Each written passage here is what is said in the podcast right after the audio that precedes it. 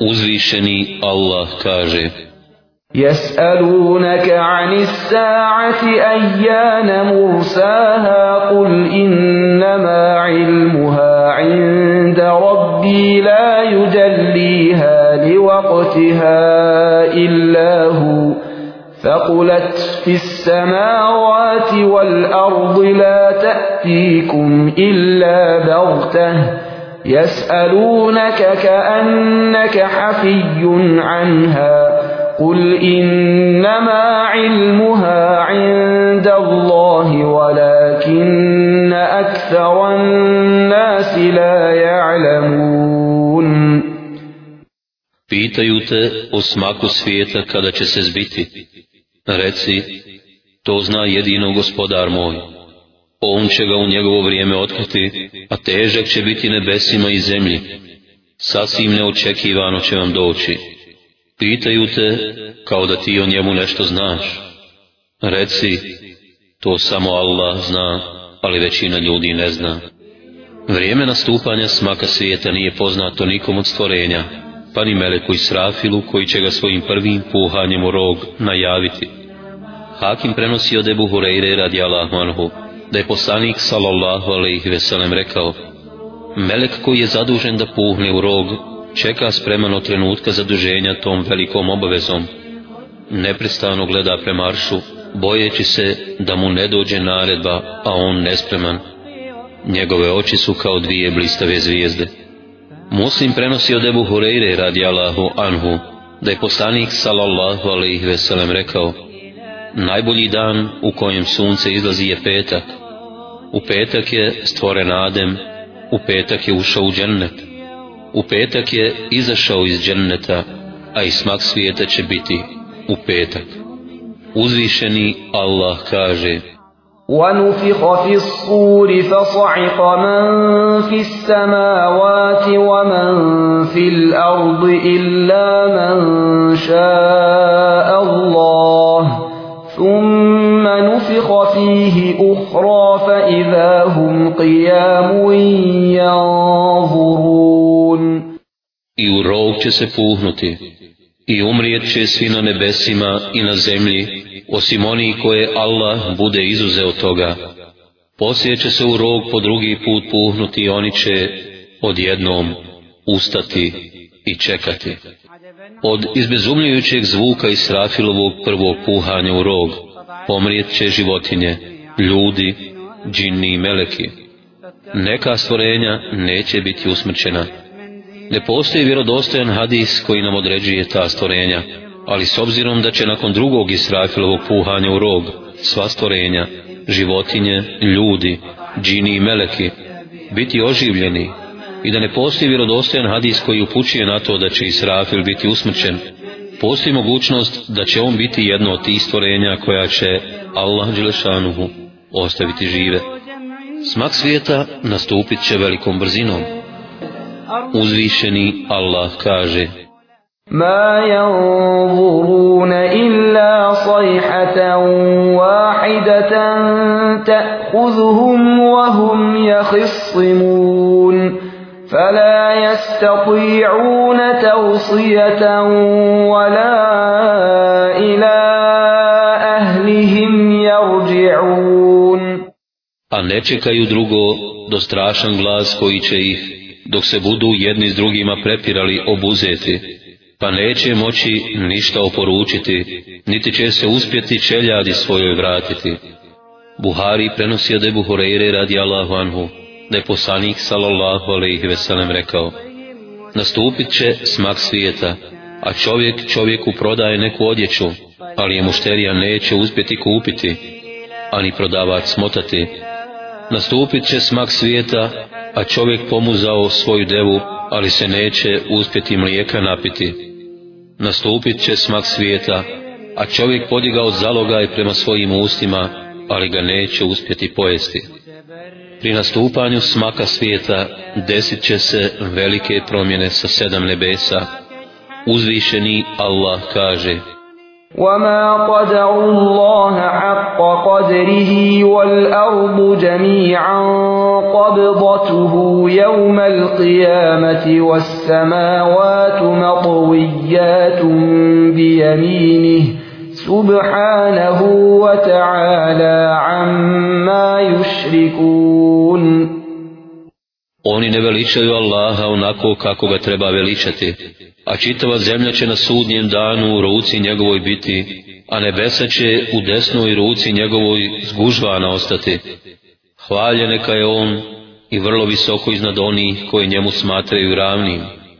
Muslim prenosi od Ibn Amra radi Allahu anhu da je poslanik sallallahu alaihi veselem rekao Zgužvat će svemogući i uzvišeni Allah sedam nebesa na sudnjem danu svojom desnom rukom i reći Ja sam istinski vladar, gdje su silni i oholi vladari?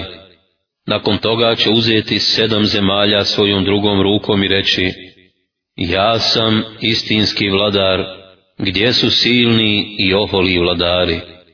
Prema ajetu, potom ih je uredio kao sedam nebesa u dva vremenska razdoblja i odredio šta će se u svakom nebu nalaziti, a najbliže nebo smo sjajnim zvijezdama ukrasili i nad njim mi bdijemo.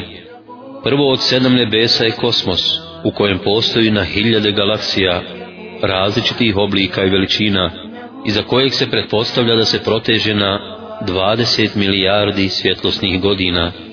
Sva nebesa su loptastog oblika. Drugo nebo je iznad prvog neba. Sa svih strana ga okružuje i mnogo je veće od njega. I tako svako naredno do sedmog neba. Sva nebesa od drugog do sedmog su izvan čovjekovog dometa spoznaje. Allah Đelešanu će svih sedam nebesa zgužvati svojom jednom rukom. Amen.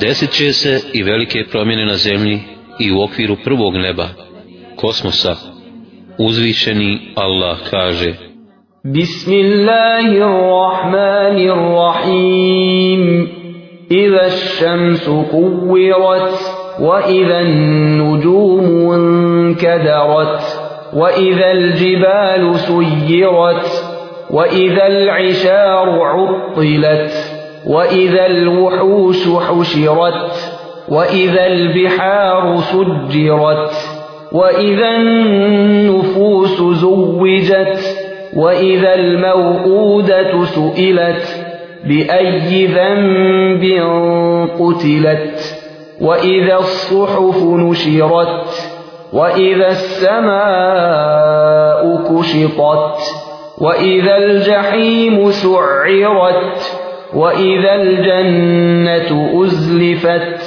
علمت نفس ما أحضرت Kada sunce sjaj izgubi i kada zvijezde popadaju i kada se planine pokrenu i kada steone kamile bez pastira ostanu, i kada se divlje životinje saberu, i kada se mora vatrom napune, i kada se duše sa tijelima spare, i kada živa sahranjena djevojčica bude upitana zbog kakve krivice je umorena, i kada se listovi razdijele, i kada se nebo ukloni, i kada se džehennem raspali, i kada se džennet približi, svako će saznati ono što je pripremio. Uzvišeni Allah kaže Bismillahirrahmanirrahim Iza sama'un faqarat وإذا الكواكب انتثرت وإذا البحار فجرت وإذا القبور بعثرت علمت نفس ما قدمت وأخرت kada se nebo rastijepi i kada zvijezde popadaju i kada se mora jedna u druga uliju i kada se grobovi ispreturaju, svako će saznati šta je pripremio, a šta je propustio. Uzvišeni Allah kaže Bismillahirrahmanirrahim Iza samaun šakpat wa adinat li rabbiha wa hukpat وإذا الأرض مدت وألقت ما فيها وتقلت وأذنت لربها وحقت يا أيها الإنسان إنك كادح إلى ربك كدحا فملاقيه Kada se nebo rascijepi i posluša gospodara svoga, a ono će to dužno biti, I kada se zemlja rastegne i izbaci ono što je u njoj i potpuno se isprazni i posluša gospodara svoga, a ona će to dužna biti. Ti ćeš, o čovječe, koji se mnogo trudiš, trud svoj pred gospodarom svojim naći. Allah Đelšanuhu je detaljno opisao šta će se dešavati sa planinama. Uzvišeni Allah kaže, يوم ترجف الأرض والجبال وكانت الجبال كثيبا مهيلا Na dan kada se zemlja i planine zatresu i planine pješćani humci razbacani postanu. يوم يكون الناس كالفراش المبثوث وتكون الجبال كالعهن المنفوش Toga dana će ljudi biti kao leptiri raštrkani, a planine kao šarena vuna iščupana. Iza ruđati l'ardu rađa, wa bustati l'đibalu basa, fa kanat habaan mumbatha. Kad se zemlja jako potrese i brda se u komadiće zdrobe i postanu prašina razasuta. Ibn Ketir kaže, planine će najprije postati poput pješćanih umki, nakon toga će postati poput vune raščupane i na kraju će postati poput prašine razasute. Zemlja koja je sada loptastog oblika bit će rastegnuta kao koža pripremljena za sušenje i bit će poravnata tako da uzvisina i udebljenja neće biti. Kao što niko od stvorenja ne zna kada će Israfil po prvi put puhnuti u rog. Isto tako Niko od stvorenja ne zna koliko će vremena proći između prvog i drugog kuhanja u rovu. Buhari i Muslim prenose od Ebu Hureyre radi Allahu Anhu, da je poslanik sallallahu alaihi ve sallam rekao, između dva puhanja u rog bit će četrdeset. Upitali smo, je li četrdeset dana? A on je odgovorio, ne znam. Mi smo opet upitali, je li četrdeset mjeseci? A on je odgovorio, ne znam. Ne znam. Upitali smo, je li 40 godina, a pa on je odgovorio, ne zna. Muslim prenosi od Ebu Hureyre radi Allahu Anhu, da je poslanik sallallahu alaihi veselem rekao, u istinu jedna kost čovjekovog tijela nikada ne truhne u zemlji. Iz nje će biti stvorena tijela na sudnjem danu. Upitali smo, Allahov poslaniće, koja je to kost? Repnjača, odgovorio je poslanik, sallallahu alaihi ve sellem. Muslim prenosi od Ibn Amra radi Allahu anhu, da je poslanik sallallahu alaihi ve sellem rekao, Allah će pre drugog puhanja u rog spustiti kišu, pa će od repnjače biti ponovo stvorena tijela ljudi. Nakon toga bit će puhnuto u rog drugi put i ljudi će ustati i gledati.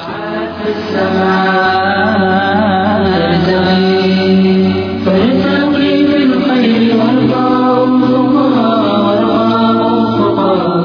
Allah Đelešanuhu svoju moć oživljenja mrtvih nakon što im tijela struhnu, dokazuje na više načina. Prvi način, onaj ko je bio kadar stvoriti ljude na ovome svijetu, kadar ih je oživjeti na onome svijetu. Drugi način, onaj ko je kadar učiniti nešto veliko i složeno, kao što je stvaranje nebesa i zemlje, kadar je učiniti nešto manje i jednostavnije od toga, kao što je oživljenje mrtvih. Oba ova načina spomenuta su u ajetima. Kako čovjek ne vidi da ga mi od kapi sjemena stvaramo. I opet je otvoreni protivnik. I nama navodi primjer. A zaboravlja kako je stvoren i govori. Ko će oživjeti kosti kad budu truhle reci, oživjet će ih onaj koji ih je prvi put stvorio. On dobro zna sve što je stvorio. Zar onaj koji je stvorio nebesa i zemlju nije kadar da stvori njima slične? Jeste. On sve stvara i on je sveznajući. I zaista on može kada nešto hoće, samo zato rekne budi i ono bude. Pa neka je hvaljan onaj u čioj ruci vlast nad svim. Njemu ćete se vratiti. Uzvišeni Allah kaže... يوم تبدل الأرض غير الأرض والسماوات وبرزوا لله الواحد القهار Na dan kad zemlja bude zamijenjena drugom zemljom, a i nebesa, i kad svi iziđu pred Allaha jedinoga i svemoćnog, nakon smaka svijeta zemlja će biti ispeglana i bit će kao pločak. Sva stvorenja bit će potjerana sa zemlje na kojoj živimo na novu zemlju postavljenu pored nje. Buhari i Muslim prenose od Sehla radi Allahu Anhu da je poslanik sallallahu alaihi veselem rekao Ljudi će na sudnjem danu biti sakupljeni na crvenkasto bijeloj zemlji koja će biti poput čiste ploče. To mjesto zove se Aresatul Kijame, mjestu ukupljanja i stajanja na sudnjem danu. Buhari i Muslim prenose od Aiši radi Allahu Anha, da je poslanik sallallahu alaihi veselem rekao, pred Allahom ćete na sudnjem danu biti sakupljeni goli, bosi i neosunećeni. O Allahov poslaniće, pa hoće li muškarci i žene gledati jedni u druge? Upitala je Aiša. O Aiša, stvar će biti mnogo teža da bi ih to moglo zanimati. Odgovorio je poslanik sallallahu alaihi veselem. selem. Nakon nekog vremena, muškarci i žene bit će obučeni, a Ibrahim a.s. će biti prvi obučen. Uzvišeni Allah kaže, In kullu man fis samawati wal ardi illa ati rahmani abda Laqad ahsahum wa addahum addah وكلهم آتيه يوم القيامة فردا تسويچه oni i oni na nebesima i oni na zemlji kao robovi milostivom doći on ih je sve zapamtio i tačno izbrojio i svi će mu na sudnjem danu pojedinačno doći. Sve ljude i džine, sve vrste životinja, pitome i divlje, životinje koje su živjele na kopnu i one koje su živjele u moru. Kao i sve stanovnike nebesa, Allah Anđelešanuhu će okupiti na jednom mjestu. Svi će doći pred njega, bez pomoćnika, radi konačne presude. Allahova Anđelešanuhu pravda bit će takva da će šukavi ovan vratiti rogatom to što ga je udario. A nakon toga Allah Anđelešanuhu će reći svim životinjama, postanite prašina tada će nevjernici zažaliti što im se neće presuditi kao i životinjama.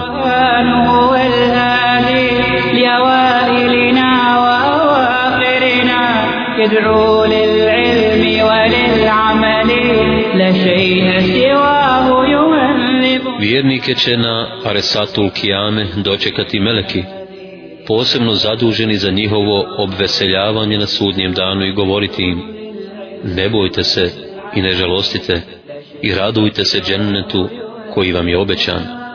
Glavni razlog sigurnosti vjernika na sudnjem danu jeste to što su se u toku života bojali Allaha Đelešanu i susreta sa njim na sudnjem danu i zbog toga činili dobra djela i ustezali se od loših. Ko se bude bojao Allaha Đelešanuhu na Dunjaluku, Allah Đelešanuhu će ga učiniti sigurnim na sudnjem danu.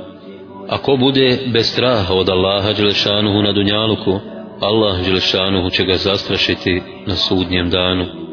Svi vjernici, sljedbenici poslanika, okupljat će se oko svojih poslanika na Aresatul Kijame. Poslanik Muhammed sallallahu aleyhi ve sellem, kao i ostali poslanici, dočekat će vjernike iz svojih ummeta kod svojih izvora. Muslim navodi da je Ebu Hureyre radijallahu anhu rekao, Ashabi su upitali poslanika sallallahu alaihi veselem kako će poznati svoje sedbenike koji će doći poslije njega. A poslanik je odgovorio pitanjem Šta mislite, da li bi čovjek poznao svoje crne konje koji imaju bijele potkoljenice i čelo među potpuno crnim konjima? Kako da ne bi, o Allahu poslaniće, vjernici iz mog ummeta imat će svjetlost na dijelovima tijela koje peru pri uzimanju abdesta, odgovorio je poslanik sallallahu alejhi ve sellem u Muhammedov sallallahu alejhi ve sellem izvor Havd slijeva se voda na dva slivnika iz džennetske rijeke Kevse jedan slivnik je od zlata a drugi od srebra a sama voda je posebno lijepog ukusa, mirisa i mogućnosti gašenja žeđi.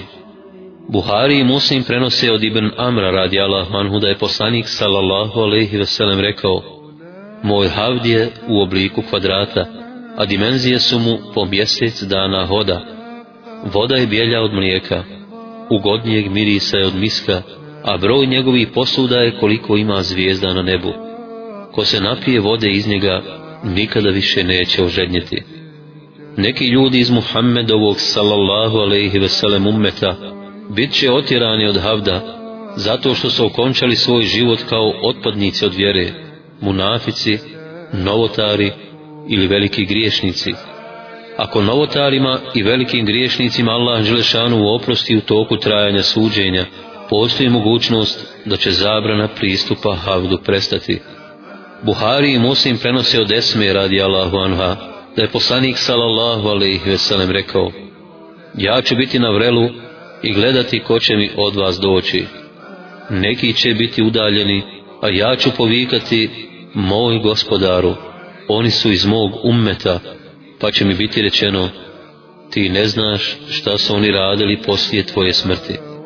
Nevjernici i vjernici novotari i veliki griješnici, pored toga što će biti onemogućeni pristupiti havdu, bit će izloženi strahotama sudnjeg dana. Iz mnogobrojnih ajeta kao i hadisa saznajemo da je sudnji dan veliki i strašan dan. Sudnji dan predstavlja veliku prekretnicu za sva Allahova Đelešanu stvorenja, koja težeg dana od njega nisu imali i neće imati. Uzvišeni Allah kaže Bismillahirrahmanirrahim Ja ejuhan nasu taku rabbakum inna zelzelete sa'ati še'un azim Bismillahirrahmanirrahim يوم ترونها تذهل كل مرضعة عما أرضعت وتضع كل ذات حمل حملها وترى الناس سكارى وما هم بسكارى ولكن عذاب الله شديد أو لودي gospodara svoga سبويته bojte. Zaista će potres kada čas nastupi veliki događaj biti. Na dan kad ga doživite svaka dojlja će ono što doji zaboraviti, a svaka trudnica će svoj plod pobaciti i ti ćeš vidjeti ljude pijane, a oni neće pijani biti, već će tako izgledati zato što će Allahova kazna strašna biti. Taberi kaže, potres i strah spomenuti u ovom ajetu desit će se neposredno nakon ustajanja iz kabura, a ne pri smaku svijeta. Allah Đelešanu u Kur'anu mnogo govori o strahotama sudnjeg dana. To detaljno opisivanje strahota sudnjeg dana predstavlja jedan od vidova i džaza nadnaravnosti Kur'ana. Allah Đelešanu u taj dan opisuje velikim i tegobnim danom, a ono što on opiše i okarakterizira velikim i tegobnim, to je uistinu tako. takvo.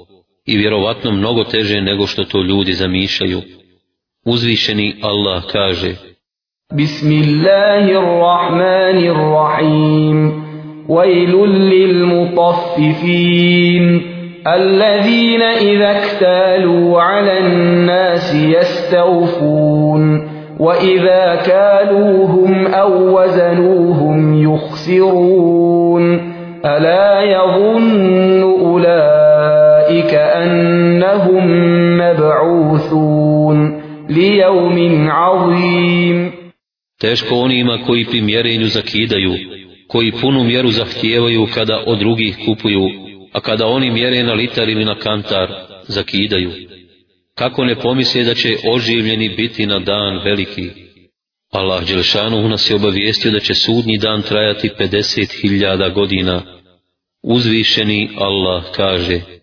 تعرض الملائكة والروح إليه في يوم كان مقداره خمسين ألف سنة K njemu će se penjati Meleki Džibril u danu koji će 50.000 godina trajati.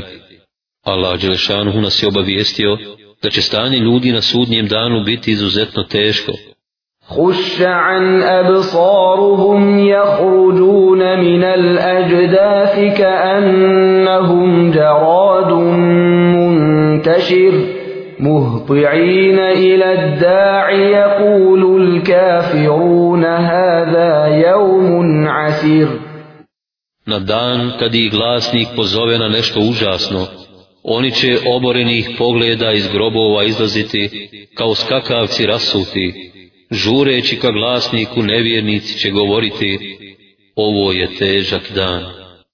وَأَنذِرْهُمْ يَوْمَ الْآزِفَةِ إِذِ الْقُلُوبُ لَدَى الْحَنَاجِرِ كَاظِمِينَ مَا لِلظَّالِمِينَ مِنْ حَمِيمٍ وَلَا شَفِيعٍ يُطَاعُ I upozori ih na bliski sudnji dan kada će srca do grkljana doprijeti i u grkljanu se popriječiti, kada nevjernici ni prisna prijatelja ni posrednika neće imati koji će uslišan biti. وَتَرَى الْمُجْرِمِينَ يَوْمَئِذٍ مُقَرَّنِينَ فِي الْأَصْفَادِ سَرَابِيلُهُمْ مِنْ قَطِرَانٍ وَتَغْشَى وُجُوهَهُمُ النَّارُ لِيَجْزِيَ اللَّهُ كُلَّ نَفْسٍ مَا كَسَبَتْ Inna Allaha sari'ul hisab. Toga dana ćeš vidjeti griješnike povezane u zajedničke okove. Košulje će im od katrana biti, a vatra će lica njihova obavijati, da Allah kazni svakoga prema zasluzi, Allah će zaista brzo račun svidjeti. ويوم يعض الظالم على يديه يقول يا ليتني اتخذت مع الرسول سبيلا يا ويلتى ليتني لم أتخذ فلانا خليلا لقد أضلني عن الذكر بعد إذ جاءني ندان kada nevjernik prste svoje bude grizao govoreći, kamo sreće da sam se uz poslanika pravog puta držao, kamo sreće je teško meni da toga i toga za prijatelja nisam uzeo. On me od Kur'ana odvratio nakon što mi je priopćen bio. فَإِذَا جَاءَتِ الصَّاخَّةُ يَوْمَ يَفِرُّ الْمَرْءُ مِنْ أَخِيهِ وأمه وأبيه وصاحبته وبنيه لكل امرئ منهم يومئذ شأن يغنيه أكذا دوجه غلاس زغلوشيوشي Na dan kada će čovjek od brata svoga pobjeći od majke svoje i od oca svoga i od druge svoje i od sinova svojih. Toga dana će se svaki čovjek samo o sebi brinuti. Yubassarunahum يود المجرم لو يفتدي من عذاب يومئذ ببنيه وصاحبته وأخيه وفصيلته التي تؤويه ومن في الأرض جميعا ثم ينجيه Nevjernik bi jedva dočekao da se od patnje toga dana iskupi sinovima svojim, i ženom svojom, i bratom svojim, i porodicom svojom koja ga štiti, i svima ostalima na zemlji, samo da se izbavi. Nikada. يَوْمَ إِذِ يَوَدُّ الَّذِينَ كَفَرُوا وَعَصَوُ الرَّسُولَ لَوْ تُسَوَّى بِهِمُ الْأَرْضُ وَلَا يَكْتُمُونَ اللَّهَ حَدِيثًا Tog dana jedva bi dočekali oni koji nisu vjerovali i koji su se protiv poslanika dizali da je nad njima zemlja poravnata. Pa kejfa tattakuna in kafartum jevmen jeđa'alul vildana šiba. Kako ćete se, ako ostanete nevjernici, sačuvati dana koji će djecu sjedom učiniti? Također, sunce će taj dan ponovo zasjeti i biti primaknuto ljudima. Muslim prenosi od Mikdada, radi Allahu Anhu, da je poslanik sallallahu alaihi veselem rekao, približit će se sunce ljudima na sudnjem danu, tako da će biti iznad njih koliko iznosi mil. Sulejm ibn Amir prenosila sadisa od Mikdada je rekao, Tako mi Allaha, ja ne znam da li se sa mil misli na milju, mjernu jedinicu za dužinu, ili štapić kojim se stavlja surma na oči. Pa će ljudi biti u znoju prema dijelima. Nekima će znoj biti do članaka, nekima će biti do koljena, nekima će biti do pojasa, a nekima će dosezati do usta.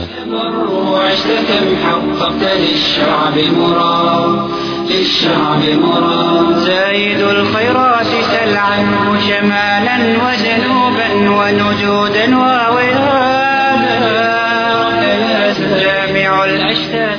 vjernici će biti pošteđeni vreline nisko spuštenog sunca, oni će biti u hladu.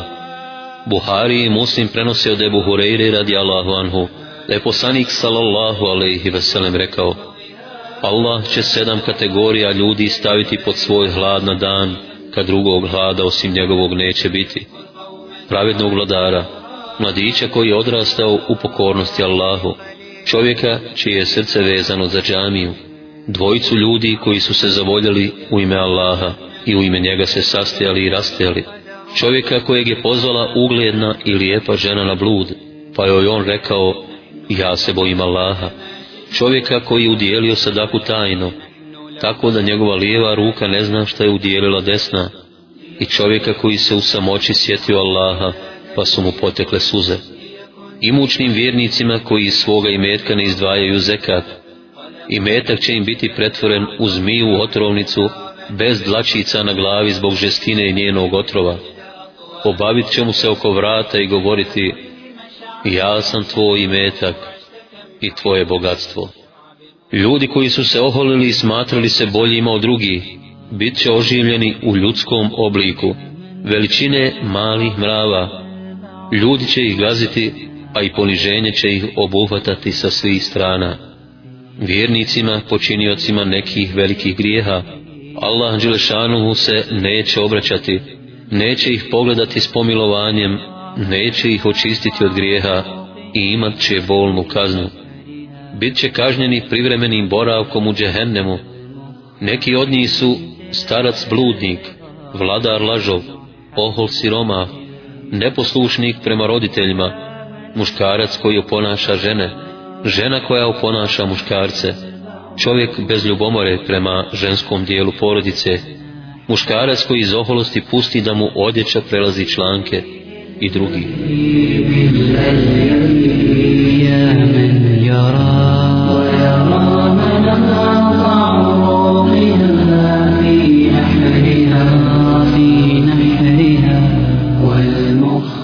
Stanje ljudi u pogledu stanja i sigurnosti na sudnjem danu, bit će prema stepenu potpunjenja Allahovog Đelešanuhu Tevhida, jednoće i pridržavanja Allahove Đelešanuhu vjere, koju je dostavljao ljudima preko poslanika. Ljudi će na Aresatul Kijameh stajati pred gospodarom svjetova 50.000 godina i čekati presudu. Proći će po nekim predajama 70 godina sudnjeg dana, a Allah Đelešanuhu se neće obraćati ljudima, kada ljude zadese patnje i neizvjesnost i kada one postanu nesnosne, oni će tražiti od Allahovi i Đelešanuhu poslanika da mole Allaha Đelešanuhu da ispasi tih patnji i da dođe i počne sa suđenjem. Buhari i Muslim navode da je Ebu Hureyre radi Allahu Anhu rekao Bili smo na jednoj gozbi s poslanikom sallallahu alaihi veselem na kojoj je rekao Ja sam prvak ljudi na sudnjem danu a znate li zbog čega? Allah će sakupiti prijašnje i potonje generacije na jednom mjestu, tako da će ih jedan čovjek moći pregledati i dozvati. Sunce će se nisko spustiti, pa će zapasti u nesnošljivu muku i patnju. Ljudi će povikati, zar ne vidite u što ste zapali i šta vas je zadesilo? Zar nećete potražiti nekoga da se za nas zauzme kod gospodara? potražite našeg oca Adema, reći će jedni drugima. Doći će Ademu i reći, ti si otac čovečanstva, Allah te je svojom rukom stvorio, u tebe dušu udahnuo. Naredio je melekima da ti učine seždu i nastanio ti u džennetu. Zar se nećeš zauzeti za nas kod svog gospodara? Zar ne vidiš u šta smo zapali i šta nas je zadesilo? On će reći, u istinu moj gospodar se danas rasrdio kao nikada prije, a tako se neće rasrditi ni poslije. On mi je zabranio da se približim drvetu, a ja sam prekršio zabranu. Ah, moje brige, moje brige, moje brige. Idite nekom drugom, idite Nuhu. Kada dođu Nuhu, reći će mu, o Nuh, ti si prvi poslanik stanovnicima zemlje, zemlje. Allah te je nazvao zahvalnim robom. Zar se nećeš zauzeti za nas kod svog gospodara? Zar ne vidiš u šta smo zapali i šta nas je zadesilo? On će reći, moj gospodar se danas rasrdio kao što nije nikada prije, a tako se neće rasrditi ni poslije. Imao sam pravo na dovu koja se prima, a ja sam je iskoristio za uništenje mog naroda. Ah, moje brige! Ah, moje brige! moje brige, moje brige, idite nekom drugom, idite Ibrahimu. Kada dođu Ibrahimu, reći će mu, ti si Allah uposlanik i miljenik na zemlji. Zauzmi se za nas kod svog gospodara. Zar ne vidiš u šta smo zapali i šta nas je zadesilo? Moj gospodar se danas rasrdio, kao što nije nikada prije, a tako se neće rasrditi ni poslije. Ja sam za života tri puta slagao. Ah, moje brige, moje brige, moje brige. Idite nekome drugom. Idite Musau, reći će. Kada dođu Musau, reći će mu, ti si Allahov poslanik, odlikovao te nad ostalim ljudima svojim govorom sa sobom.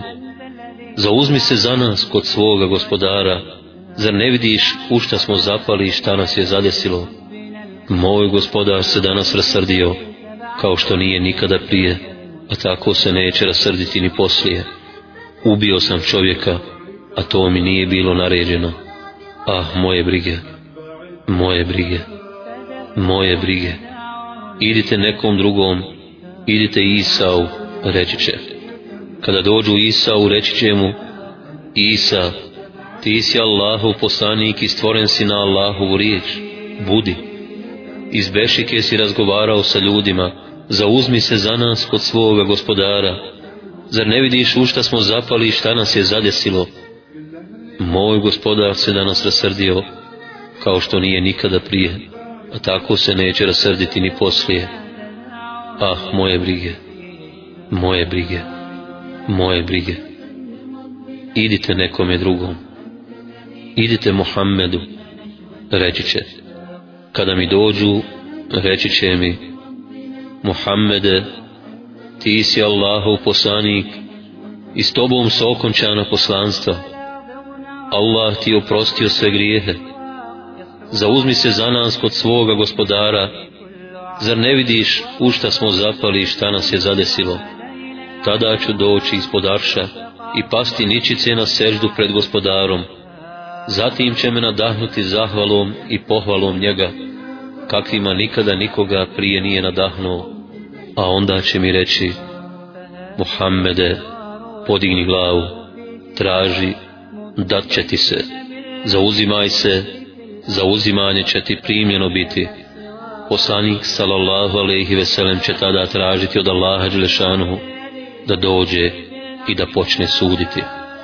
Uzvišeni Allah kaže وأشرقت الأرض بنور ربها ووضع الكتاب وجيء بالنبيين والشهداء وقضي بينهم بالحق وهم لا يظلمون ووفيت كل نفس ما عملت وهو أعلم بما يفعلون I zemlja će svjetlošću gospodara svoga zasjeti i knjiga će se postaviti.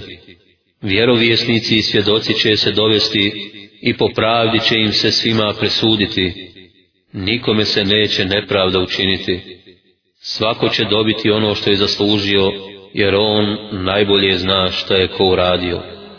Dolazak Allaha Đelešanuhu njegovim stvorenjima na sudnjem danu radi donošenja presude spominje se na dosta mjesta u Kur'anu. Jedino on zna način tog dolaska, ali zasigurno njegov dolazak ne sliči dolasku njegovih stvorenja na Aresatul Kijame, kao što ni njegovom biću ništa slično nije. Allah, Allah, Allah.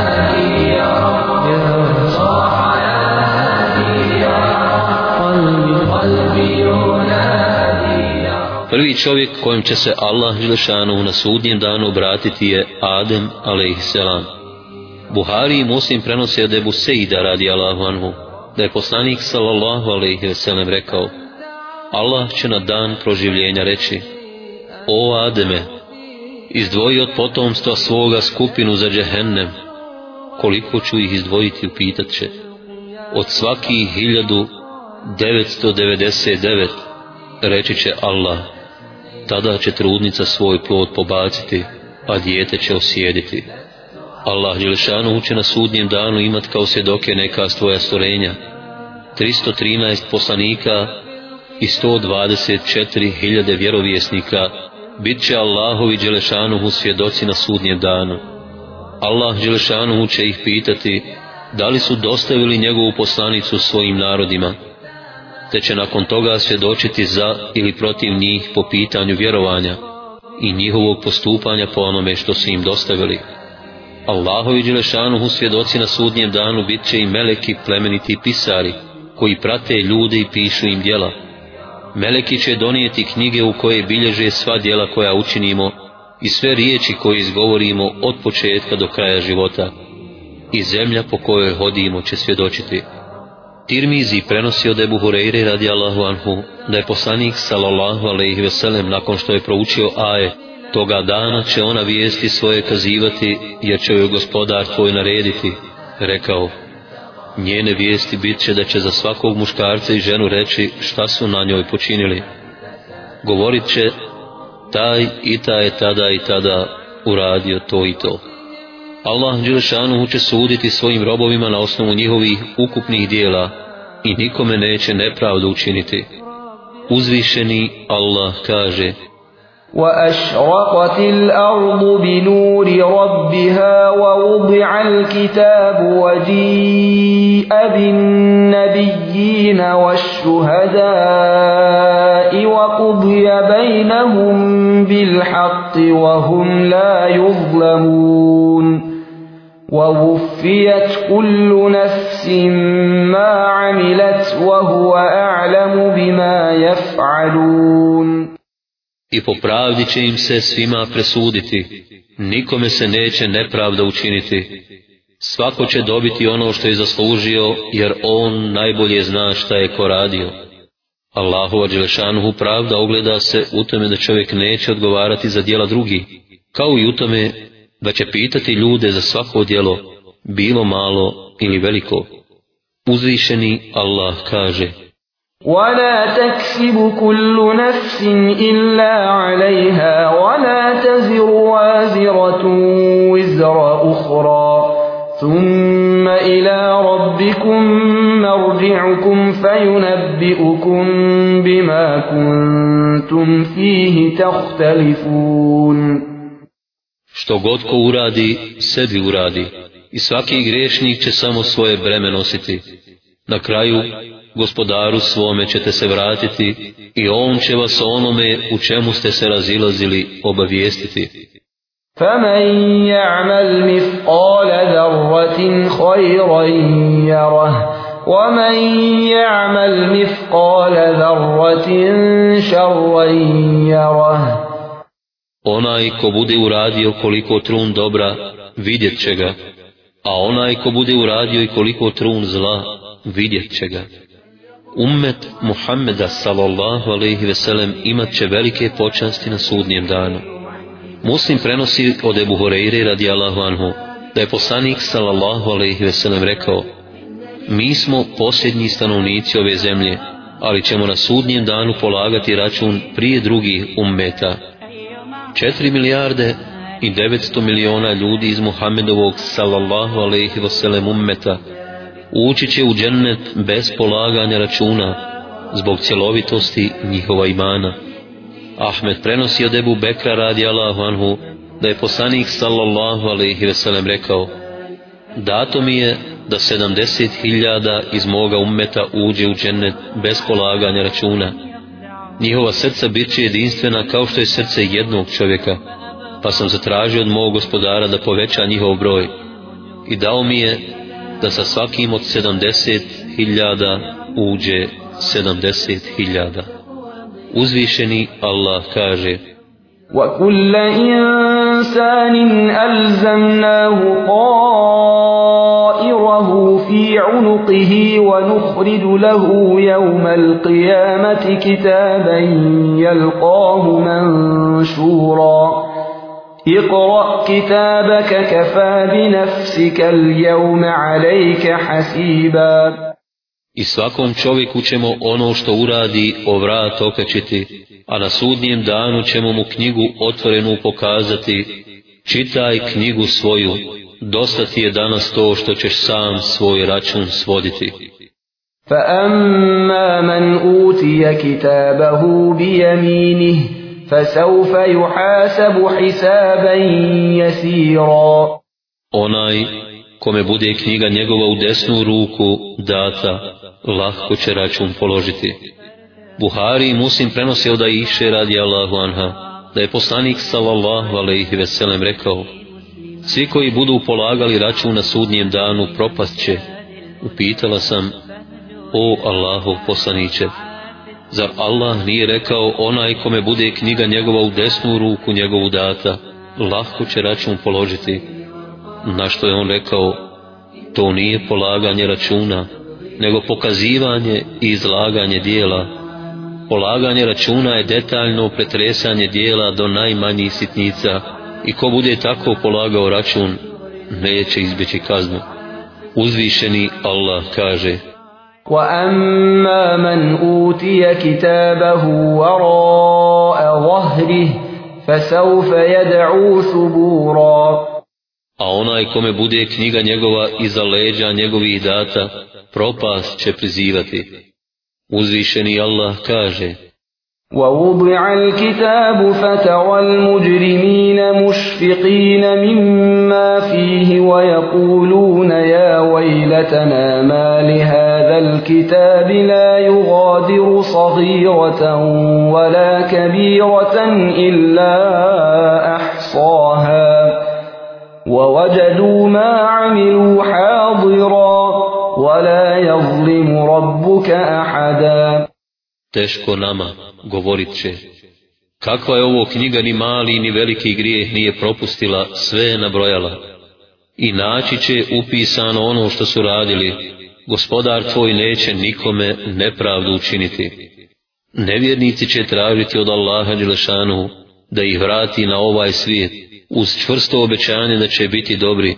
Uzvišeni Allah kaže, ولو ترى إذ المجرمون ناكسوا رؤوسهم عند ربهم ربنا أبصرنا وسمعنا فارجعنا نعمل صالحا إنا موقنون A da ti je vidjeti griješnike kako će oboreni glava pred gospodarom svojim reći, gospodaru naš, vidjeli smo i čuli smo pa nas povrati da dobra djela činimo.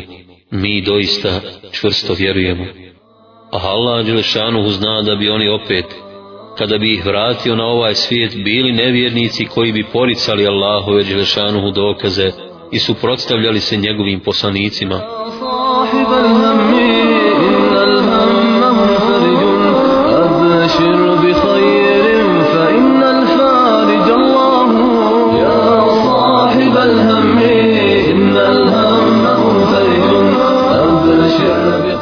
svi ljudi će stajati u safovima i iščekivati da budu poimenično prozvani.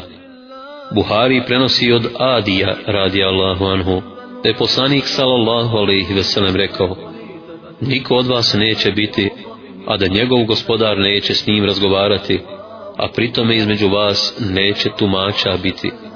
Prvo, zašto će rob na sudnjem danu polagati račun je namaz. Tirmizi i Nesai prenosi od Ebu Hureyre radi Allahu anhu, da je poslanik sallallahu alaihi veselem rekao, prvo zašto će rob na sudnjem danu polagati račun je namaz, pa ako mu namaz bude upotpunjen, bit će spašen. Ako mu bude namaz faličan, bit će upropašten.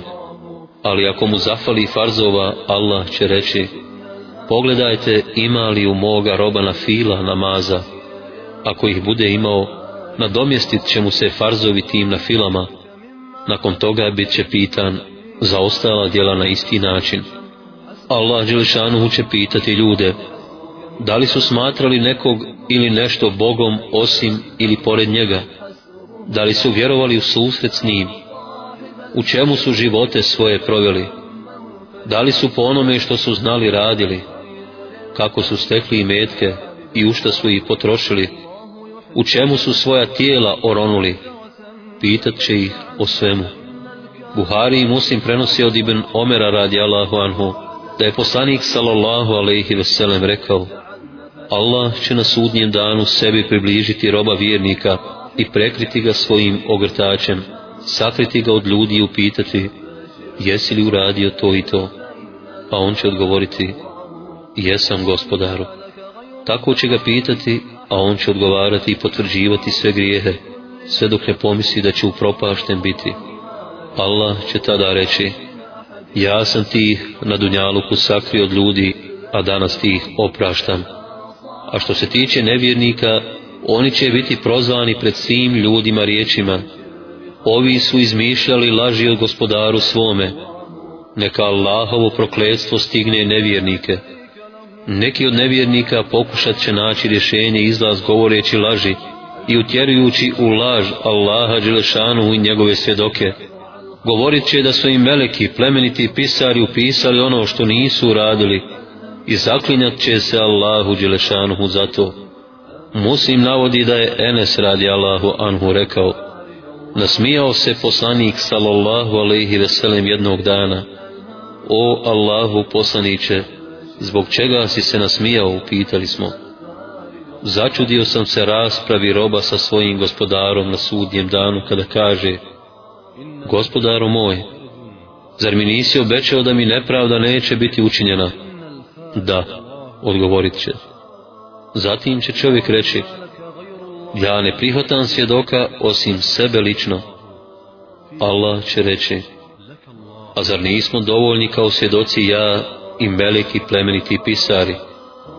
A zatim će Allah zapečatiti njegova usta i govorit će dijelovi njegovog tijela ono što su radili.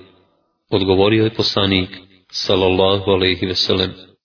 Uzvišeni Allah kaže, حتى إذا ما جاءوها شهد عليهم سمعهم وأبصارهم وجلودهم بما كانوا يعملون وقالوا لجلودهم لم شهدتم علينا قالوا أنطقنا الله الذي أنطق كل شيء وهو خلقكم أول مرة وإليه ترجعون Uši njihove i oči njihove i kože njihove svjedočit će protiv njih onome što su radili. Zašto svjedočite protiv nas? Upitat će oni kože svoje. Allah koji je dao sposobnost govora svakom biću, učinio je da govorimo i mi, odgovorit će.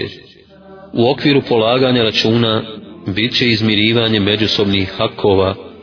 Muslim prenosi od Ebu Hureyri radi Allahu Anhu da je poslanik sallallahu alaihi ve sellem rekao, da li znate ko je muflis? Ashabi su odgovorili, muflis je onaj ko nema ni novca ni robe. A poslanik je rekao, Muflis je onaj ko dođe na sudnji dan sa namazom, postom i zekatom i drugim dobrim dijelima, ali je vrijeđao ljude, potvarao, zakidao u imetku, udarao i bespravno krv proljevao. Uzet će se od njegovih dobrih dijela i dati svakom onome kome je na neki način zulum učinio. Ako mu nestane dobrih dijela, uzet će se od njihovih loših i dati njemu pa će biti bačen u vatru.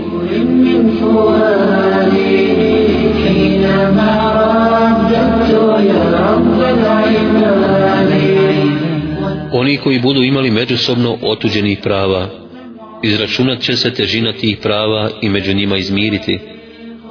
Tirmizi navodi da je Aisha radi Allahu Anha rekla, došao je neki čovjek poslaniku sallallahu alaihi veselem i rekao, Allahu poslaniće, imam dva roba koji mi lažu, varaju me, neposlušni su mi, a ja njih vrijeđam i udaram.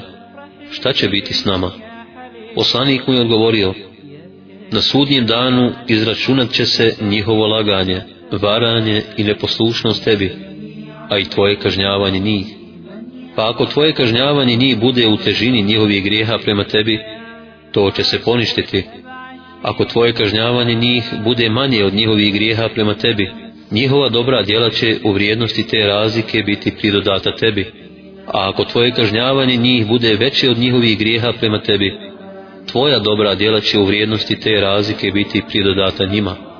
Nakon toga čovjek je rekao, ne nalazim ništa bolje od toga da se oprostim od njih.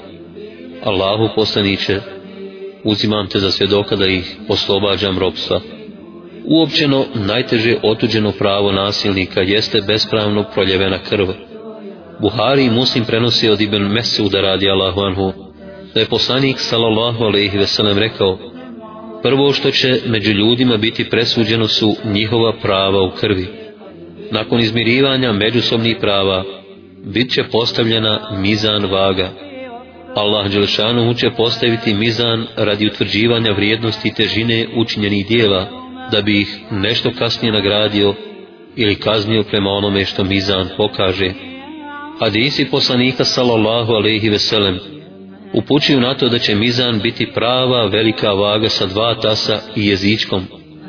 Hakim prenosi od Selmana radi Allahu anhu da je poslanik sallallahu alaihi veselem rekao bit će postavljena vaga na sudnjem danu i kada bi se na nju postavili nebesa i zemlja obuhvatila bi ih Meliki će upitati kome će se na njoj vagati, a Allah će reći onome kome budem htio od svojih stvorenja. Slava pripada tebi, mi te ne obožavamo onako kako ti zaslužuješ, reći će Meleki. Vaga će biti pravedna i precizna. Uzvišeni Allah kaže, ونضع الموازين القسط ليوم القيامة فلا تظلم نفس شيئا وإن كان مثقال حبة من خردل أتينا بها وكفى بنا حاسبين Mi ćemo na sudnjem danu ispravne Terezije postaviti, pa se nikome krivo neće učiniti. Ako nešto bude teško koliko zrno gorušice, mi ćemo zato kazniti ili nagraditi, a dosta je što ćemo mi račune ispitivati. Na osnovu ovoga ajeta neki učenjaci zaključuju da će na sudnjem danu biti više vaga. Prihvatljiviji je mišljenje ipak to da će ona biti jedna. Pri vaganju dijela niko nikoga neće poznavati, niti će iko biti spreman svoje dobro djelo nekome pokloniti. Po pitanju toga šta će se na mizanu vagati postoji razilaženje između islamskih učenjaka. Jedni zastupaju mišljenje da će Allah Đelešanu u dijelima dati opipljiv fizički oblik, iako su ona na Dunjaluku fizički neodređena i da će njih vagati. Buhari i Muslim prenosi od Ebu Hureyre radi Allahu Anhu, da je poslanik sallallahu alaihi veselem rekao, imaju dvije izreke, koje su lahke za izgovaranje, teške na mizanu, a drage sve milosnom. Subhanallahi ve bihamdihi, subhanallahil azim. Ebu Davud i Tirmizi prenose debu Derda radi Allahu anhu, da je poslanik sallallahu alaihi veselem rekao, Na tas dobrih dijela na sudnjem danu neće biti stavljeno ništa teže od lijepog morala. Muslim prenosi od Ebu Malika radi Allahu anhu, da je poslanik sallallahu alaihi veselem rekao, Čistoća srca od širka i tjelesna čistoća, gusul i abdest, su polovina imana i zahvala Allahu. Izgovaranje, elhamdulillah, ispunit će tas dobrih dijela mizana na sudnjem danu. Drugi smatraju da će biti vagane knjige u koje se upisuju dijela. Tirmizi ibn Mađe prenose od ibn Amra radi Allahu anhu, da je poslanik sallallahu alaihi veselem rekao, Zaista će Allah na sudnjem danu izdvojiti čovjeka iz moga ummeta, između ostalih ljudi, a zatim će biti doneseno 99 velikih knjiga loših dijela i bit će mu predočene. Veličina svake knjige je dokle pogled može dosegnuti. Allah će ga upitati, poričeš li nešto od ovoga što je u njima zabilježeno? Da li su ti plemeniti pisari kakvu nepravdu učinili? Čovjek će odgovoriti, ne, gospodaru moj. Allah će ga upitati, a imaš li opravdanje ili neko dobro djelo? Čovjek će se zbuniti i reći, ne, gospodaru moj. Allah će mu reći, naprotiv, ti kod nas imaš jedno dobro djelo i danas ti neće biti učinjena nepravda. Tada će mu se pokazati kartica na kojoj piše, Ešhedu en la ilahe illallah, ve ešhedu enne Muhammeden Resulullah. Čovjek će reći, gospodar moj, šta je ova kartica u odnosu na ovolike knjige? Tebi se zaista neće nepravda učiniti, reći će mu Allah.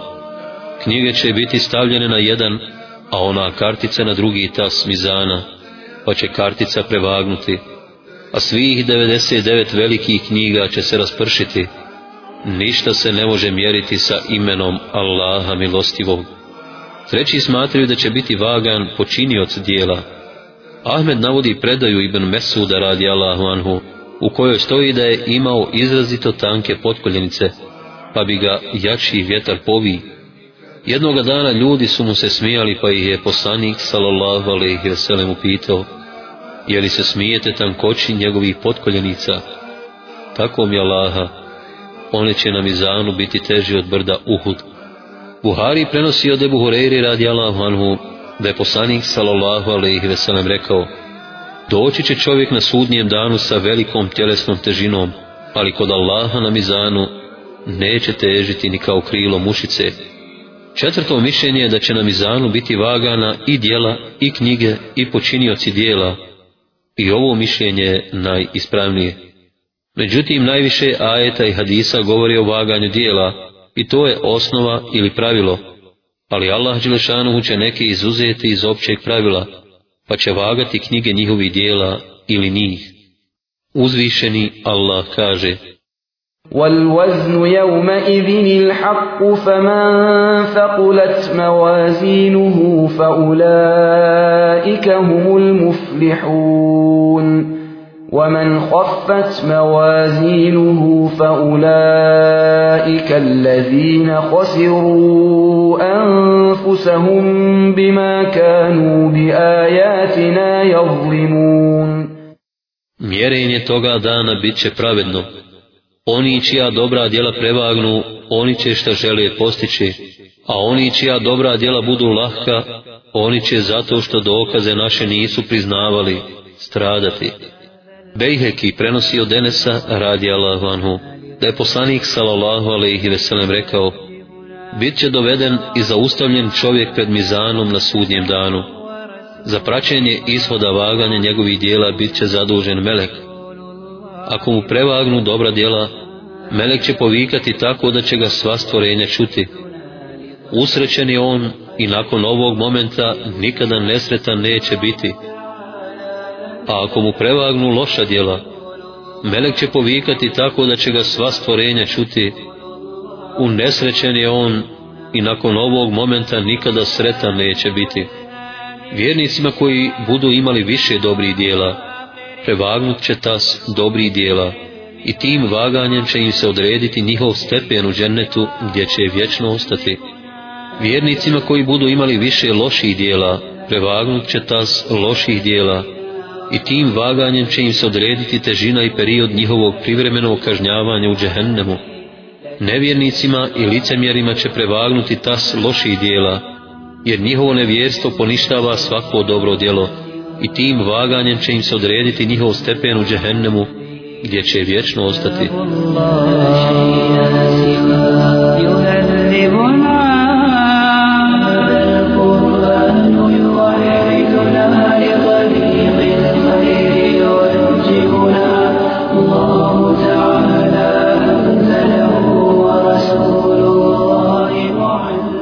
nakon upoznavanja sa konačnom presudom, uslijedit će pokret Saresatul Kijame prema mjestu vječnog boravka. Najprije će nevjernici krenuti prema mjestu njihovog vječnog boravka, Džehennemu.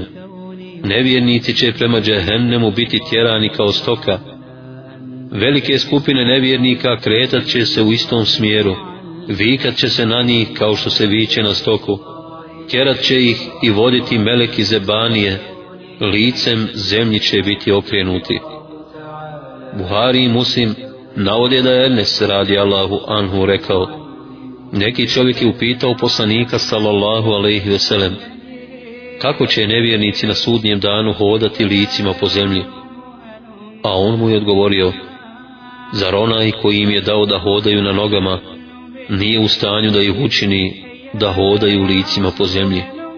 Muslim prenosi od Ebu Sejda radi Allahu Anhu, da je poslanik sallallahu alaihi veselem rekao, na sudnjem danu glasnik će povikati, neka svaki narod slijedi ono što je obožavao, niko ko je obožavao nešto drugo pored ili osim Allaha neće ostati, a da neće slijediti ono što je obožavao i tako biti odveden prema džehennemu.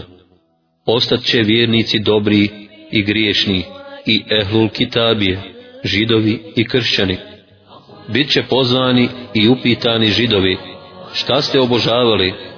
Obožavali smo Uzeira, Allahovog sina. Slagali ste na Allaha. Allah nema ni žene ni dijete. A šta želite? Ožednili smo gospodaru naš, napoji nas. A zašto ne krenete prema vodi? Upitat će ih. A nakon toga bit će potjerani prema džehennemu koji će biti fata morgana pa će u njega popadati. Onda će biti pozvani i upitani kršćani. Šta ste obožavali? Obožavali smo Isa, Allahovog sina. Slagali ste na Allaha. Allah nema ni žene ni dijete. A šta želite? Ožednili smo gospodaru naš. Napoji nas. A zašto ne krenete prema vodi, upitat će ih. A nakon toga bit će potjerani prema džehennemu, koji će biti fata morgana pa će u njega popadati. Uzvišeni Allah kaže وَيَوْمَ يُحْشَرُ أَعْدَاءُ اللَّهِ إِلَى النَّارِ فَهُمْ يُوزَعُونَ A na dan, kada Allahovi neprijatelji u vatru budu potjerani, oni prvi bit će zadržani da bi sustigli ostali. Prije nego stignu do džehennema, do ušiju će im dopirati zvukovi koji će im srca ispuniti strahom i skoro ih izbezumiti. Uzvišeni Allah kaže بل كذبوا بالساعة وأعتدنا لمن كذب بالساعة سعيرا إذا رأتهم من مكان بعيد سمعوا لها تغيظا وزفيرا A mi smo za one koji čas oživljenja poriču pripremili vatru razbuktelu, kad od njih bude udaljena toliko da je mognu vidjeti, čut će kako gnjevna ključa i odbije sa huči. Kada stignu do vatre i ugledaju njene strahote, kajat će se i željeti povratak na dunjaluk, kako bi u Allaha Đelešanuhu vjerovali i Allahove Đelešanuhu poslanike njima poslane slijedili.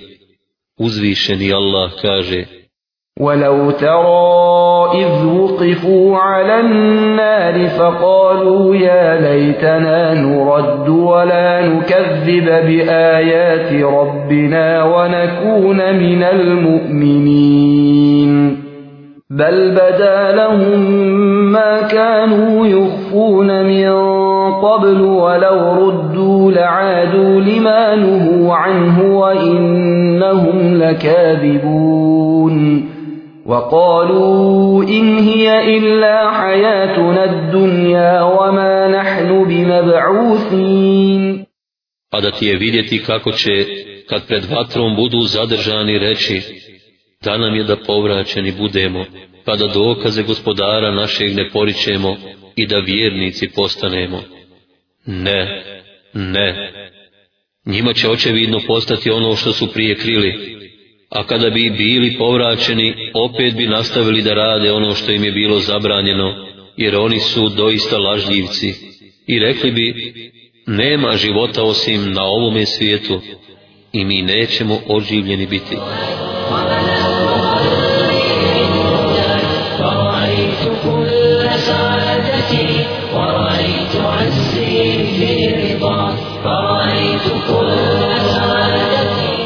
Nakon toga nevjernici će biti grubo gurnuti u džehennem. To će biti kraj sudnijeg dana za nevjernike. I vjernici će čekati onoga u koga su vjerovali kao Boga na Dunjaluku. Buhari i Muslim prenosio da je Buhureyre radi Allahu Anhu, da je poslanik sallallahu alaihi ve sellem rekao, ostat će vjernici i munafici s njima, pa će im Allah doći u liku koji oni ne poznaju i reći im, i ja sam vaš gospodar. Utječemo se Allahu o tebe, ovo je naše mjesto i ovdje ćemo ostati dok nam ne dođe naš gospodar. A kada nam on dođe, mi ćemo ga prepoznati. Tada će im Allah doći u liku koji oni već poznaju i reći će, ja sam vaš gospodar, ti si naš gospodar, reći će. Allah Đelešanuhu će otkriti svoju potkoljenicu, po tome će ga vjernici poznati i učiniti mu seždu. Seždu neće moći učiniti ni jedan munafik, jer će im se kičme ukočiti. Uzvišeni Allah kaže, يوم يكشف عن ساق ويدعون إلى السجود فلا يستطيعون Na dan kada se potkoljenica otkrije i kad budu pozvani da licem na tlo padnu pa ne budu mogli, nakon što Allah Đelešanu otkrije svoju potkoljenicu i vjernici mu učine seždu, vjernike i munafike će obaviti tama. Ta tama će nastupiti pred polazak na cirat čupriju. Muzika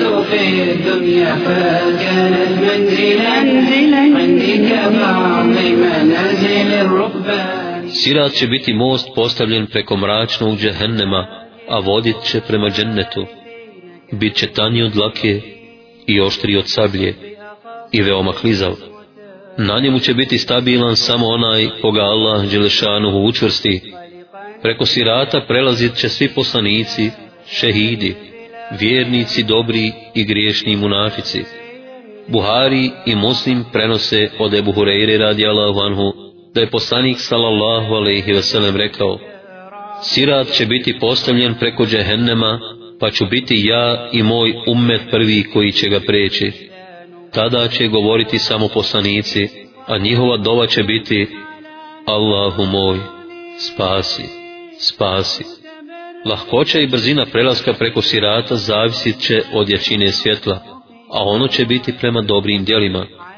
Bejheki navodi da je Ibn Mesud radi Allahu Anhu rekao, neki će ispred sebe imati svjetlost poput brda, kod nekih će svjetlost biti veća od toga, neki će sa desne strane imati svjetlost veličine palme, a nekima će biti manja od toga.